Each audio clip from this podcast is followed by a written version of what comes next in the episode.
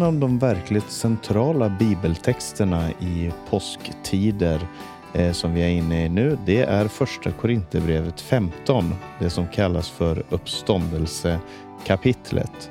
Mitt i den texten så citerar aposteln Paulus en grekisk skald från 200-talet före Kristus.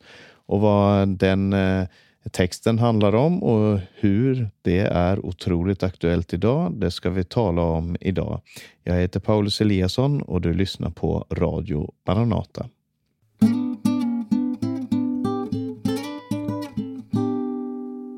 Vi ska börja med att citera den texten ifrån första Korinthierbrevet 15 som jag nämnde här. Eh, och det är i den 33 versen som aposteln Paulus citerar och säger så här. Låt, in, låt inte bedra er. Dåligt sällskap fördärvar goda vanor. Och det här uttrycket, dåligt sällskap fördärvar goda vanor, det har han antagligen hämtat ifrån eh, poeten, skalden, författaren Menander på 200-300-talet före Kristus. Och Det här var ett ordspråk bland eh, grekisktalande, just det här. Dåligt sällskap fördärvar goda vanor.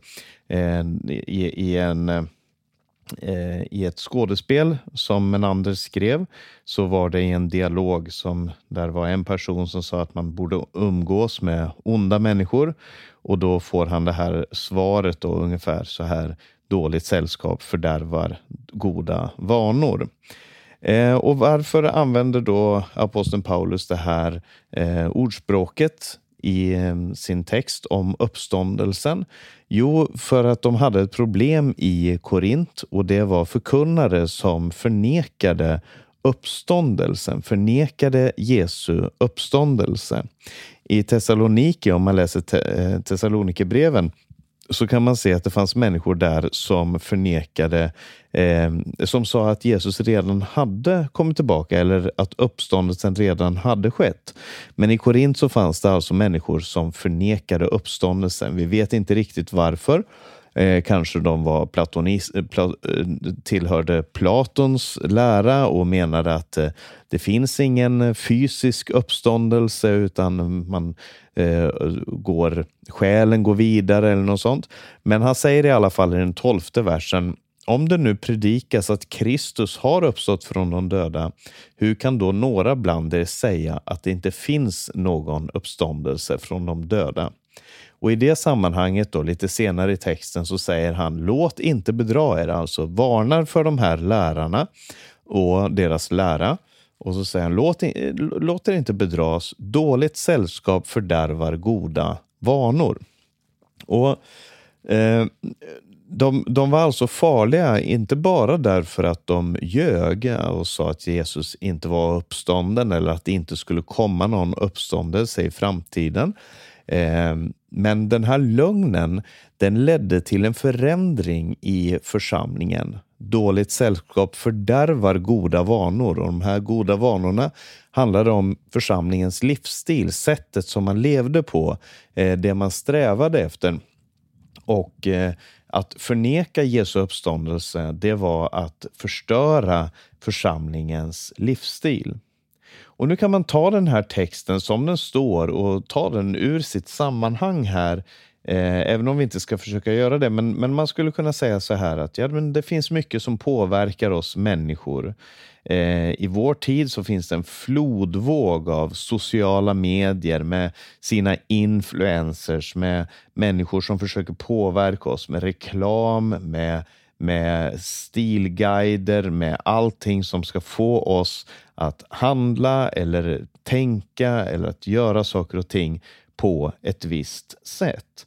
Ehm, och eh, min poäng med det här är inte att varna dig för att umgås i fel kretsar eller att sitta för mycket med, med din smarttelefon. Inte därför att det inte är sant och, och kanske också allvarligt och nödvändigt att varna för det, men för att det här inte är fokus i aposteln Paulus text.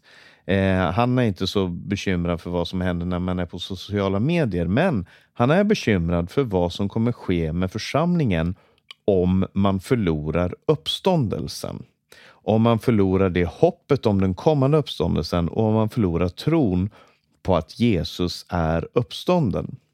Därför att det är så otroligt mycket som står på spel. Hela den kristna tron är baserad på det faktum att Jesus är uppstånden.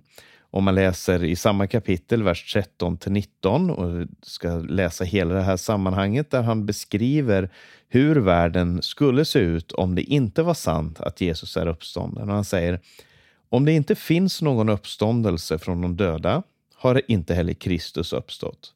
Men om Kristus inte har uppstått, då är vår predikan meningslös och även er tro meningslös. Då står vi där som falska vittnen om Gud, eftersom vi har vittnat om att Gud har uppväckt Kristus, som han ju inte har uppväckt, ifall det verkligen är så att döda inte uppstår. För om döda inte uppstår, har inte heller Kristus uppstått.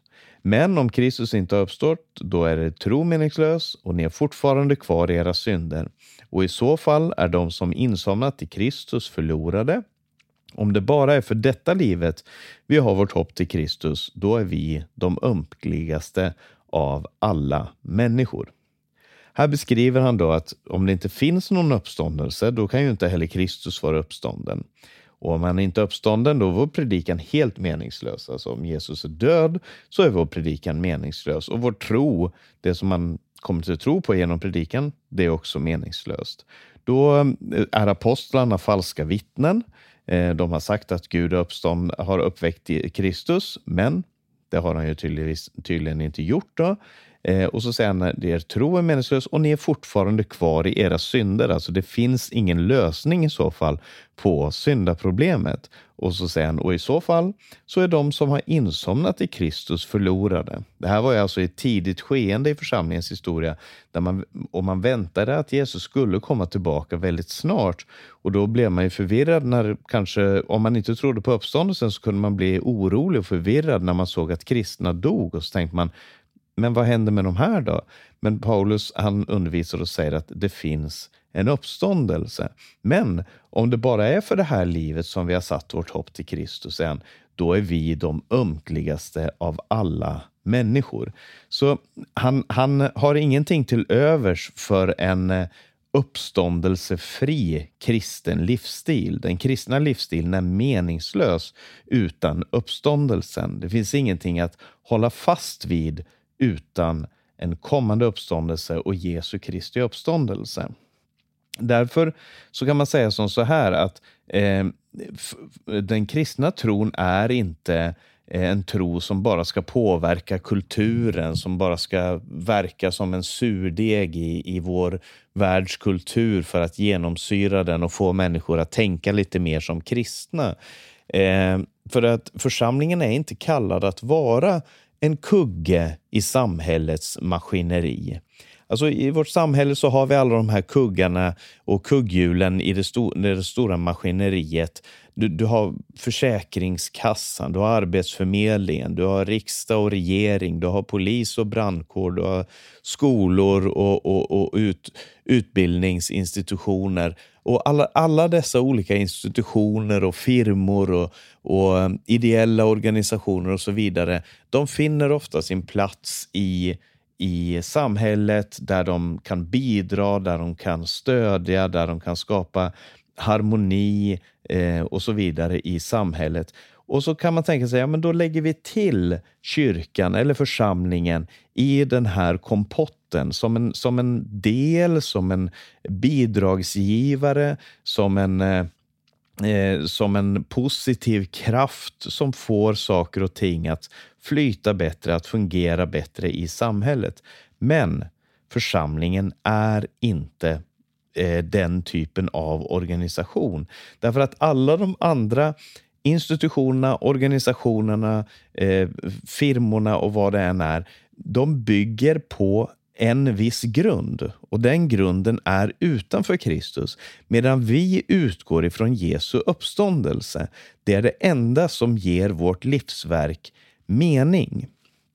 Och Därför så eh, är det otroligt viktigt med uppståndelsen. Den ger en annan grund att stå på. Alltså vi kan ju vara oeniga om en väldig massa saker och det kan ju komma någon falsk lärare eller någon som kanske har en annan föreställning om hur saker och ting hänger ihop än det jag har. Eh, och Det behöver inte vara att den personen är ond och det behöver heller inte vara att vi inte kan känna Kristus tillsammans bara för att vi menar olika saker om, om en eller annan sak. Men när det gäller uppståndelsen så är inte det bara viktigt eller väldigt viktigt. Det är helt i centrum av vad det betyder att vara kristen. Och eh, så kanske någon vill säga så här, ja men det är väl ingen fara att vi slutar tro. Alltså jag, nu i påskhelgen här så har jag följt med både på sociala medier och, och andra mer klassiska medier. Jag såg eh, midnattsmässan ifrån Peterskyrkan i Rom och där stod det en, en präst och, och proklamerade Kristus är uppstånden och, och hela församlingen brast ut i sitt halleluja, halleluja, halleluja. Ehm, jag såg Svenska kyrkan på Twitter som sa Kristus är uppstånden på påskdagens morgon.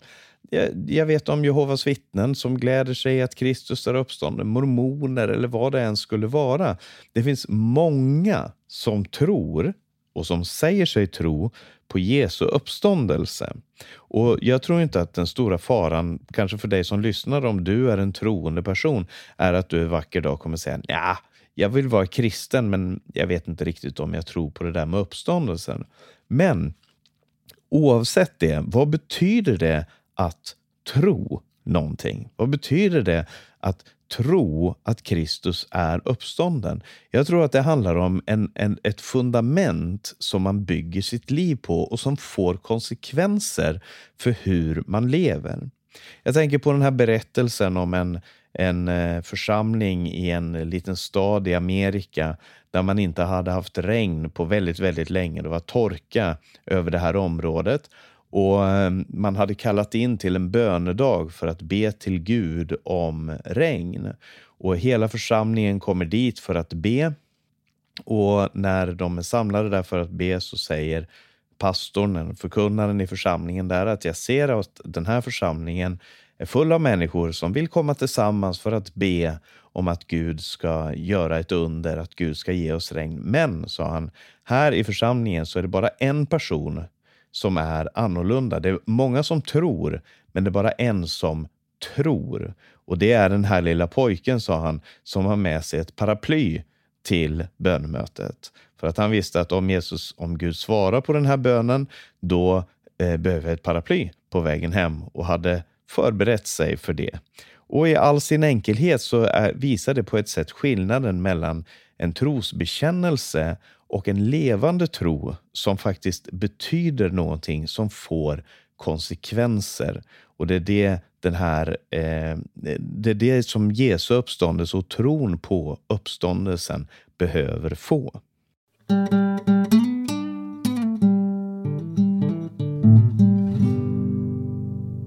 Vilka konsekvenser ska då uppståndelsen få i våra liv? Vi kan ju läsa några bibelord och se hur apostlarna såg på det. Petrus och Paulus i det här fallet. Och i första Petrus brev kapitel 2, vers 21 så säger han så här till detta, nämligen till att lida, är ni kallade. Kristus led i ert ställe och efterlämnade ett exempel åt er för att ni ska följa i hans fotspår. Här säger han Kristus led och det är en del av passionshistorien. Jesu lidande, död, begravning, uppståndelse och himmelfart. Eh, det, är, det är en historia och det, nu säger han, pekar han på att Kristus led och så säger han ni ska följa i hans fotspår. Om Kristus inte led så har vi ingen som vi ska följa i fotspåren till. I Kolosserbrevet kapitel 3, Paulus brev till Kolosserna, i det tredje kapitlet och den trettonde versen, så säger han Ha överseende med varandra och förlåt varandra om ni har något att anklaga någon för. Så som Herren har förlåtit er ska ni förlåta varandra. Alltså förlåtelsen som vi har fått uppleva i Jesus Kristus på grund av det han har gjort på Golgata, den förlåtelsen ska vi förlåta andra med.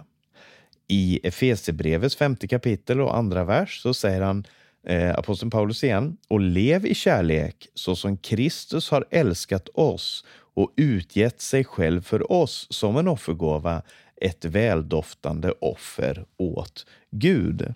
Här pekar han på kärleken som, eh, som Gud har uttryckt i Jesus Kristus när han offrade sig själv för oss. Och så säger han, den kärleken, den ska eh, prägla er också. Den kärleken ska fylla er så att ni älskar som han älskade. Och gång på gång här så ser vi ni ska lida därför att Kristus led. Ni ska eh, förlåta därför att Kristus förlät. Ni ska älska därför att Kristus älskade. Och i Romarbrevets sjätte kapitel, och den fjärde och femte versen, så säger han, vi är begravda med honom genom dopet till döden för att leva det nya livet. Liksom Kristus är uppväckt från de döda genom Faderns härlighet. För om vi är förenade med honom i en död som hans, ska vi också vara det i en uppståndelse som hans. Och här talar han om dopet och han säger att det här dopet det är en gemenskap med Kristus i hans död och uppståndelse. Så uppståndelsen får konsekvenser för en människas liv i lidande, i kärlek, i, i eh, förlåtelse och i det här uppståndelselivet. Men kanske det här blir lite för teoretiskt för oss, för att det kan vara svårt att applicera. Vad betyder det här? Hur kommer det här ta sig uttryck? Hur har det här tagit sig uttryck? Eh, det här uppståndelselivet. Vad betyder det att Jesus är uppstånden och vad är det som står på spel när människor släpper taget om den här verkligheten? Om vi läser Apostlagärningarna eh, framförallt de första kapitlen, men egentligen hela boken, så, eh, eller brevet, så, så, så kan vi se där att eh, den första församlingen levde i ljuset ifrån Jesu lidande, död, begravning, uppståndelse och himmelfärd. De levde i ljuset av alla de här sakerna. Det hade förändrat dem. Kvinnorna hade kommit till graven på påskdagens morgon, på söndagens morgon och funnit en tom grav. Och, och eftersom de fann en tom grav så förändrade sig livet. Eftersom de mötte den uppståndne frälsaren så förändrade sig allt det de sysslade med. Och eftersom den heliga Ande fyllde församlingen på pingstdagen så förändrade det allt. Man kunde inte längre leva som man hade levt tidigare. Och därför möter vi en, eh, väldigt tidigt en församling som präglad av det här uppståndelselivet, hoppet som de hade, så samlas de, de har bön, de har gemenskap, de lyssnar på apostlarnas undervisning och de har brödsbrytet till, tillsammans. Och det står att stor glädje var över hela flocken. Mitt i sina lidanden så kunde de ha en stor glädje just därför att de eh, hade hoppet om uppståndelse. De hade gemensam egendom. De sålde det de ägde och delade ut det bland de fattiga i församlingen just därför att de hade hopp i Jesus Kristus. De levde uppståndelselivet. De var villiga till att lida, till att gå i fängelse, till och med martyrium. Det är väldigt tidigt i apostlagärningarna så dyker de första martyrerna upp. Eh, Stefanus, Jakob och så vidare. De eh, led eh, martyrium, men de var villiga till det därför att de hade ett hopp om uppståndelse. Men eh, det här eh, uppståndelselivet, det, det visade också att de hade ett beroende av Andens kraft och närvaro. När församlingen samlades för att be så bad man om att Gud skulle räcka ut sina händer till under, tecken och kraftgärningar i Jesu Kristi namn. Och den heliga Ande verkade i församlingen på den här tiden. Och Eh, och sen så ser vi också att det fanns en kamp för evangelisation och mission. Den första församlingen var en evangeliserande och missionerande församling därför att man hade och trodde på uppståndelsen. Och det fanns en kamp för samhällets utsatta, för jämlikhet i församlingen, för att hjälpa dem som ingen hjälper, för att styrka dem som ingen bryr sig om. Alla de här sakerna är karaktäristiska för vad det betyder att vara en kristen. Därför att eh, man tror på uppståndelsen. Det här är saker och ting som inte ger mening utan det faktum att Jesus är uppstånden. Men är han uppstånden så skapas det goda seder i, det, i ljuset av de sakerna. Om han är uppståndelsen, uppstånden, då, är, då betyder det en stor skillnad. Så eh, vad betyder det då för oss idag eh, att Jesus är uppstånden? Vad, eller kanske vi först ska säga vad betyder det inte?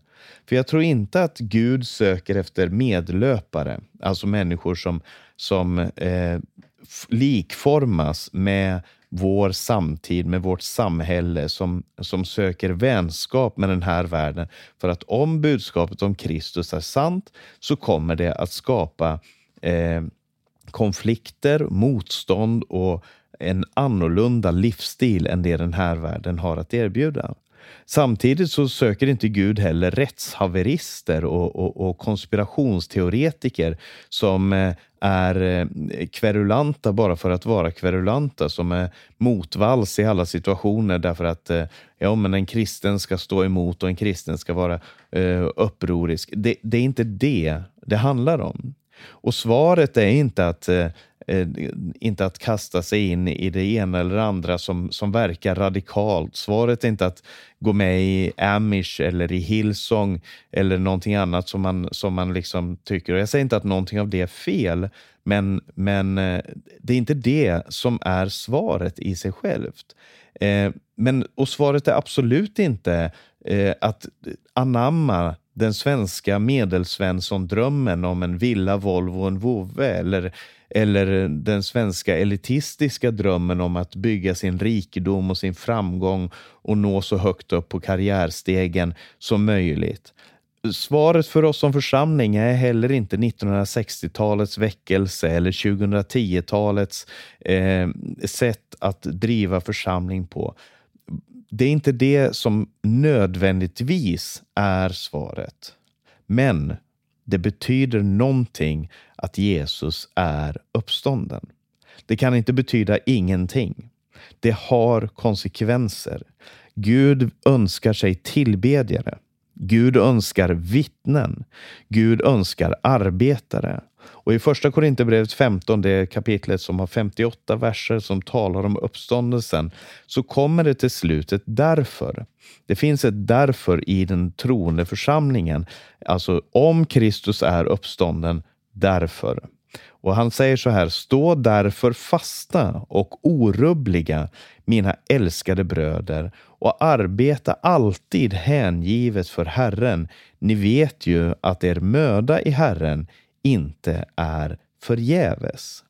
Gud längtar efter att se en fasthet, en orubblighet och en hängivenhet för Herren. Det är utgångspunkten. Det är det normala kristenlivet. Fasthet, orubblighet och hängivet arbete. Och hur kan man vara fast? Hur kan man vara orubblig och hur kan man arbeta hängivet? Jo, när man vet att vår möda i Herren inte är förgäves. Därför att om man tror att ens arbete är förgäves, då kan man lika gärna syssla med någonting annat.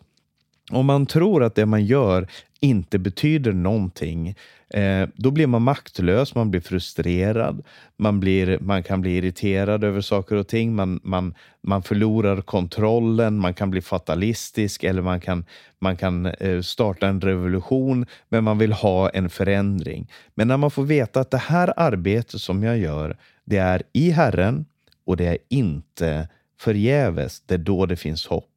Därför så behöver vi besöka den tomma graven, ställa oss där utanför och ställa oss frågan vad betyder det här för mig? Vad betyder den här tomma graven för mig? Bildligt talat så behöver vi komma till, till eh, den, den eh, eh, eh, tomma graven, se upp till honom som led på korset och ställa oss frågan vad vilka konsekvenser får det här? För att det går inte att förbli neutral inför en tom grav. Ingen tror det.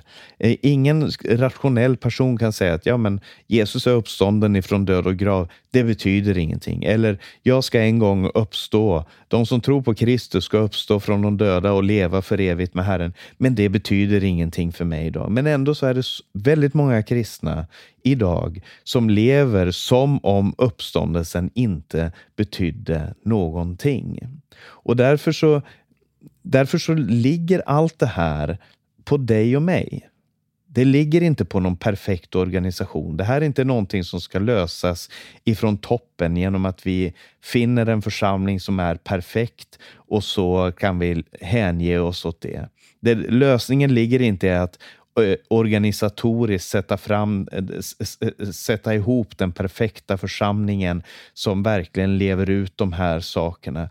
Det handlar om att du och jag, där vi är, i den situation där vi är, börjar att fråga oss själva, vad betyder det för mig att Kristus är uppstånden? Vilka drömmar skapar det i mig? Vilken längtan skapar det i mig? Vilken framtid är det jag ser för mig? Vad är det jag önskar med mitt liv och hur kan jag nå dit? Alltså det ligger på dig och mig och inte på någon perfekt organisation. Därför att Gud kallar oss att leva ett uppståndelseliv. Aposteln Paulus säger i Filipperbrevet, det tredje kapitlet, så säger han att allt det som förr var med en vinning, det har jag aktat som ingenting. Jag aktar det som ett avskräde. Jag betraktar det som ingenting för att vinna Kristus och få känna kraften ifrån hans uppståndelse. Vi kan inte låta någonting ta bort det perspektivet ifrån oss. Och vi ska heller inte låta någonting förstöra, om du vill, den goda seden. Goda seder eh, fördärvas av dåligt sällskap. Och vi får fråga oss själva, vad är det för influenser? Vad är det för någonting som kontrollerar vårt liv? Vad är det för någonting som vi tar in? Vad är det för någonting som styr vad vi tror på, vad vi står för, vad det är vi älskar. Det, det är min längtan efter, eh, den här mor morgonen. Eh, det är det jag önskar att förmedla till dig idag. Att du ska ställa dig den här frågan. Vad betyder den tomma graven för mitt liv? Amen.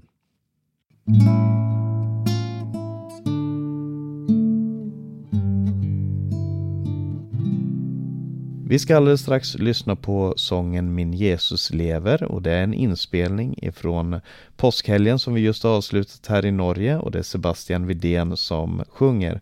Eh, jag ska bara nämna att du har lyssnat på Maranata Podcast med mig Paulus Eliasson. Det här programmet har också sänds över Stockholm och Örebro närradio. Var gärna med och sprid de här programmen. Du kan komma i kontakt med oss via eh, info maranata.se e-postadressen eller telefonnummer 070-201 60 20. Sprid Guds välsignelse till alla och på återhörande. Gud sänd sin son. Hans namn är Jesus. Han kom